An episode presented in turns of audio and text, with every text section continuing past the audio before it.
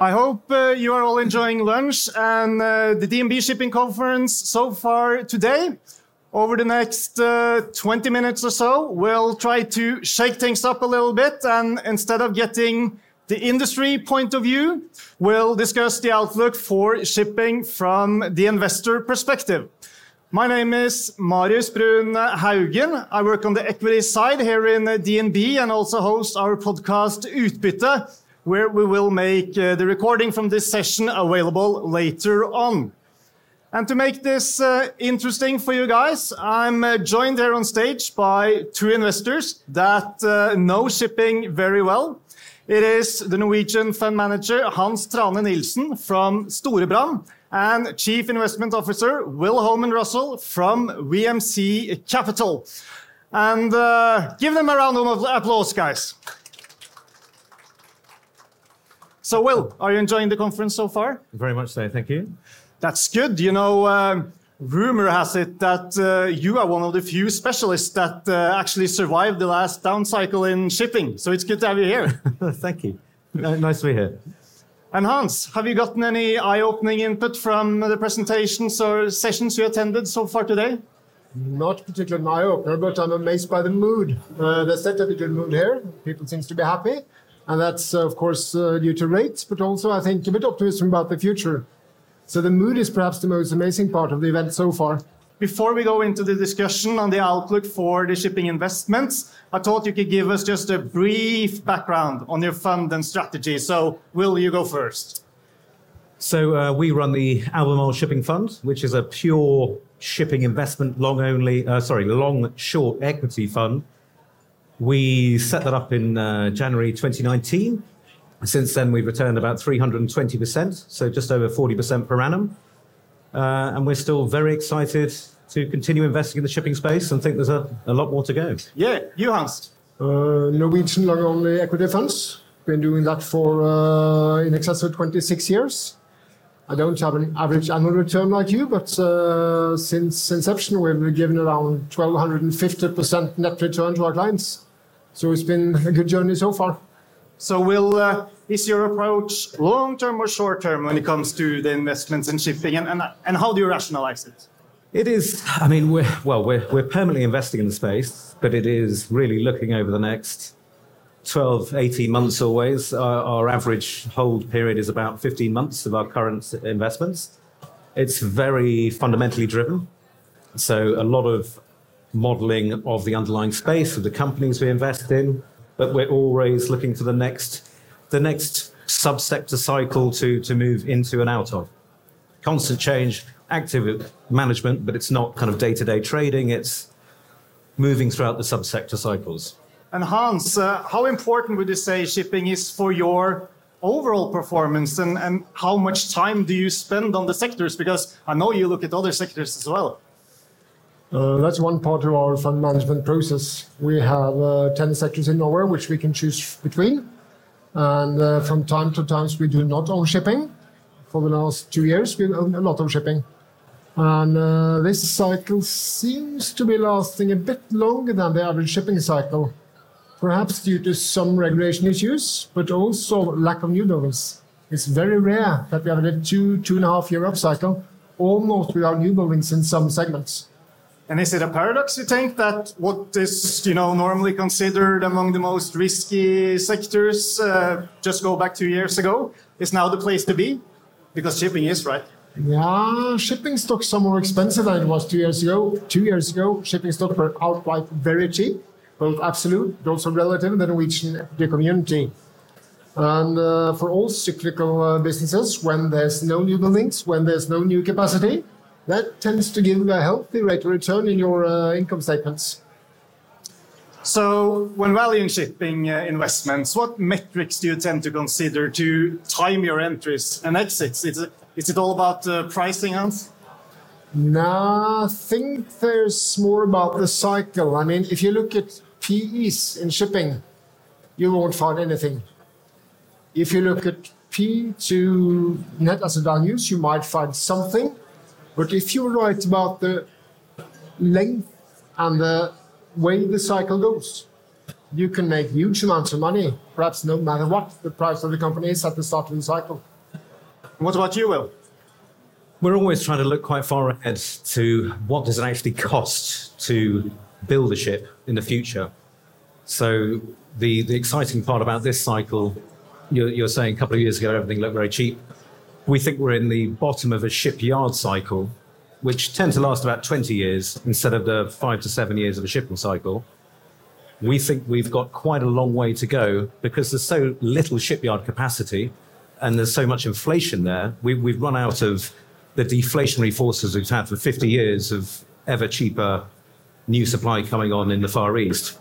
So we're looking at what does it cost in the future to build a ship, to replace a ship? What does that mean for rates of ships on the water, second-hand asset prices? And we try to model that quite far forward. Yeah.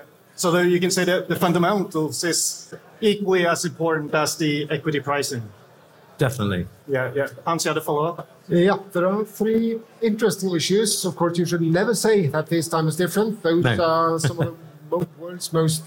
Ah, uh, three issues which you need to take into account. One thing is the Japanese yards. The Japanese have an older and older population, and they don't have access to labor anymore. So Japanese yard capacity is diminishing. In Korea, the Qataris are building huge amount of LNG ships that is occupying lots of yard capacity, especially at Daewoo and Samsung. That makes less room for building conventional shipping. And third is China.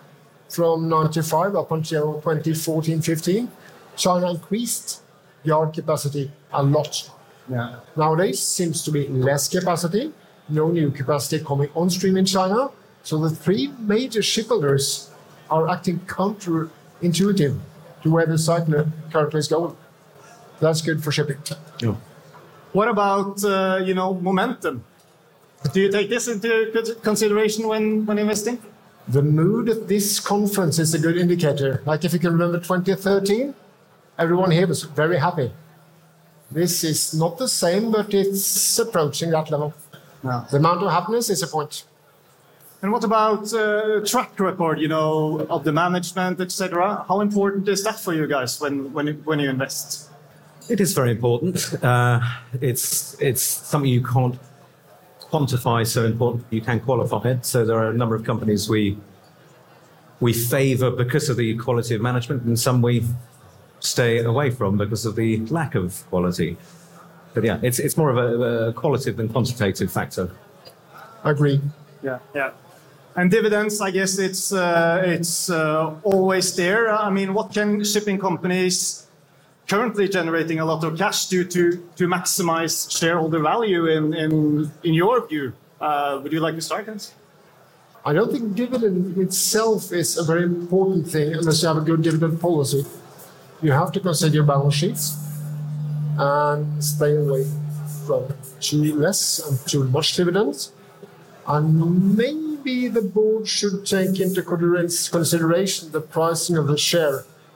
I know that's a difficult topic, but some shipping companies tend to trend to to to, uh, to trade from time to time very cheaply then you should definitely consider buybacks instead of dividends. I know there's some, well, not all investors agree on that, but I think it's possible to time your dividend policy by having a steady dividend policy, but from time to time consider when to use buybacks or not. Yeah. There's value to be to be gained there. So, so Will, what's your take? How how do one maximize shareholder value? No, I, I would agree with what you're saying. It's it's uh, keeping that balance sheet sensible to keep the optionality there, so that you can enjoy the good markets when they're there, but also keeping a yeah a good dividend policy, the ability to buy back shares when they're cheap. It's it's it's being sensible. I guess 15, 20 years ago, maybe shipping got a bad name for being a little too uh, exciting. Yeah. But it's uh, great to stand here to see them. Some of the boards have to consider whether they are overcapitalized. Not every time you see that in shipping. Yeah, yeah. You know, I had the pleasure of talking to Øystein uh, Kalleklev earlier uh, today here at the conference, and uh, he's uh, always uh, a, fun uh, guy to follow on LinkedIn. And, last week he wrote the following: "We don't brag about that we are going to pay a minimum dividend of X cents or 50% of net profit, so that management can enjoy themselves." With the remaining half the profits pursuing empire building, And he also said that, uh, you know, if we come up to some good investment ideas, our job as management is to convince our shareholders to invest new money in such business opportunities rather than having a pile of retained earnings to draw fund on for our pet projects. Uh, is it correct? Um, has for the last years put his money where his mouth is and to that policy. And I would also recommend everyone to follow Øystein Kalleklev on Twitter. He's fun to follow and he has some good comments there. Uh, the group is a part the Fredriksen Group, has been very good at those topics for nearly 20 years, or maybe even since he bought his first competitor VLCC companies in the late 90s. So there are some issues there very worth following and uh, living up to. And I guess we have uh, touched upon it, but we have to dig a little deeper uh, into it. So, uh, what would, from your perspective, will be uh, the sort of general themes that are making shipping an interesting investment these days? Sorry, what are the themes? Yeah, yeah. Uh, it's very much the, this uh, supply theme that I've discussed already. The fact that there's very little shipyard capacity, uh, there's strong inflation at those shipyards, the regulatory requirements mean the earlier phase out of ships. So it's, it's very much a supply driven theme. At the same time, demand remains fairly, fairly healthy. We're moving into a phase of what we believe will be a far more capital and commodity intensive part of the economy. The whole replacement of uh, all of our energy infrastructure for green energy. That's basically 20 years of uh, investment up front all of that is uh, fantastic for shipping of commodities, for, for, for steel, for cement, yeah, because for we oil. Have, we have the ESG and all the regulation side of this. Yeah. And uh, on one hand, you might argue it's making things more complicated, uh, Hans. The ESG has got two significant factors when it comes to influencing shipping. One is the supply side. You don't, as a board member, know what kind of fuel you need to use or can use in the 2030s. And when you order a ship today, it will live probably up until nearly 2050. And when you don't know what kind of machinery you can use, it's difficult. That limits the amount of supply we get. The second are the EEXI regulations, which probably will limit speed of the fleet on the supply side. And investors should look into how large that effect will be. When regulation take away supply, that's also good for shipping. And keep a close look on that in the various segments. The China reopening, it's been, uh, I think, on uh, everybody's mind uh, this year. Um, how does it look from your, view- your view? And will it help uh, some parts of the shipping? You think? Yes, I'm not fond of praising regimes with the policy like in China, but I must admit that what they are doing, they are doing it well. And the gradual opening, which we've seen so far since late November or maybe early December last year, is, I think, going according to the Communist Party's plan. And that's good for shipping, especially hydrocarbons. And the Chinese are also smart. They are utilizing the war in Ukraine by buying hydrocarbons from sanctioned states, reloading it, and sending it back to Europe and the West, and making a profit from that as well. So China is playing the current global uh, political uh, environment quite well. So will this, is China reason to be uh, bullish on some parts of the shipping, or are there some signs that things are a little bit softer maybe than one should hope for? No, I, I'd agree. It's it's kind of returned to a more normal environment, and there's a lot of catch up there. There's a lot of uh, transportation demand, which we're seeing coming back very quickly. There is infrastructure stimulus coming, uh, so it's it's kind of more return to the norm Yeah. after many years of COVID, zero COVID policies, which have been very negative. Okay, so uh, let's go a little bit more uh, specific then. So, what subsectors do you think will be the winners and losers 12 months uh, from now, and why? And and uh, let's start with the winners. Uh, I think It's a tough one. It's a tough one. I think it was easy to see shipping as a good investment two, two and a half years ago. I said that to a couple of some recent newspapers, so I got it in writing. I think it's more difficult today. That's mainly because the cycle has matured. We are definitely the mood here is very good, but there should there are some niche shipping stocks trading at very low multiples. Um, I thought one year ago that the car shipping cycle would be quite long. I don't think that anymore. But investors have seen it. And most of those, those stocks trade at uh, less than four times this year's earnings. They will uh, enjoy very good years this year, next year, and in 25. But the order book has increased, and they will probably have normal profits in the late 20s. Second one is product tankers, but everyone's bullish in that space. Insiders are selling. It's kind of a hotspot in. It's a hotspot. It's tough to recommend those shares, even that they look good on numbers. I mean, they're, they're, but they're producing so much cash flow currently that in reality they're, they're very cheap. I think we're, we're in a similar situation as we were about 20 years ago, where after a couple of good years, things look expensive, but in reality, you've got another three, four, five years because of this very tight shipyard supply story, which basically what is different this time, this time it's different. what is different is this inflation story, just lifting the whole space and requiring that the replacement rates, replacement costs to replace the fleet is just so much higher. We're, we're moving into a, a different phase of the cycle, I believe. So shipping in general looks good. So, what in your mind is uh, a stay away at the moment? Step well, I think that, that, that that's a hard question. I'm, I'm quite positive on shipping. So within the shipping space, um, I don't know, cash. I would stay away from that and, and stay invested. Okay, so it all look uh, it all look good. So at the end, uh, we ask you to uh, get one top pick that you have in shipping today and why. So Hans, you go first. Time horizon. The time horizon is one year. It's one year. I think I still would go for one of the car carrier companies. Difficult to see which one is the cheapest. Um, maybe it would be uh, Autoliner, but I'm not sure that I was more convinced one year ago. It has become slightly more expensive, but they are making piles of money and they Yeah, will yeah. continue to do so for the next two years. Okay, so that's uh, There's one wild card, perhaps the cheapest the shipping stock on earth, trading at 20 22% of net asset value. Corporate governance from somewhere down deep below. Listed in Norway, won't mention a name, but maybe someone who there should take a look at it. Oh, okay, yeah. so. Finally, Will, what would be would be uh, your top pick to share with uh, the audience? It would be the Albemarle Fund. Obviously, it's uh, the place, the one shipping investment that everyone can make.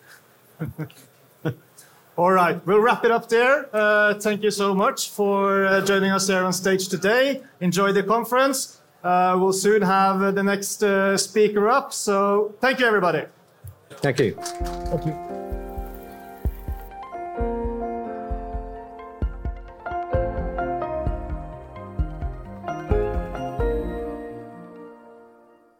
Denne sendingen ble publisert i podkasten Utbytte.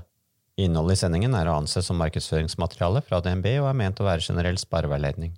Sendingen skal ikke oppfattes som et tilbud om å kjøpe eller selge finansielle instrumenter, eller som investeringsrådgivning tilpasset den enkelte investors situasjon. En investor som har behov for råd eller har spørsmål om informasjon som gis, bør kontakte en finansrådgiver. DNB påtar seg ikke noe ansvar verken for direkte eller indirekte tap som følge av innholdet i sendingen legges til grunn for eventuelle investeringsbeslutninger. Husk at historisk avkastning aldri er noe garanti for fremtidig avkastning. Avkastningen kan bli negativ som følge av kurstap. Bruk av prognoser for å beregne fremtidig avkastning er heller ingen garanti for fremtidig avkastning.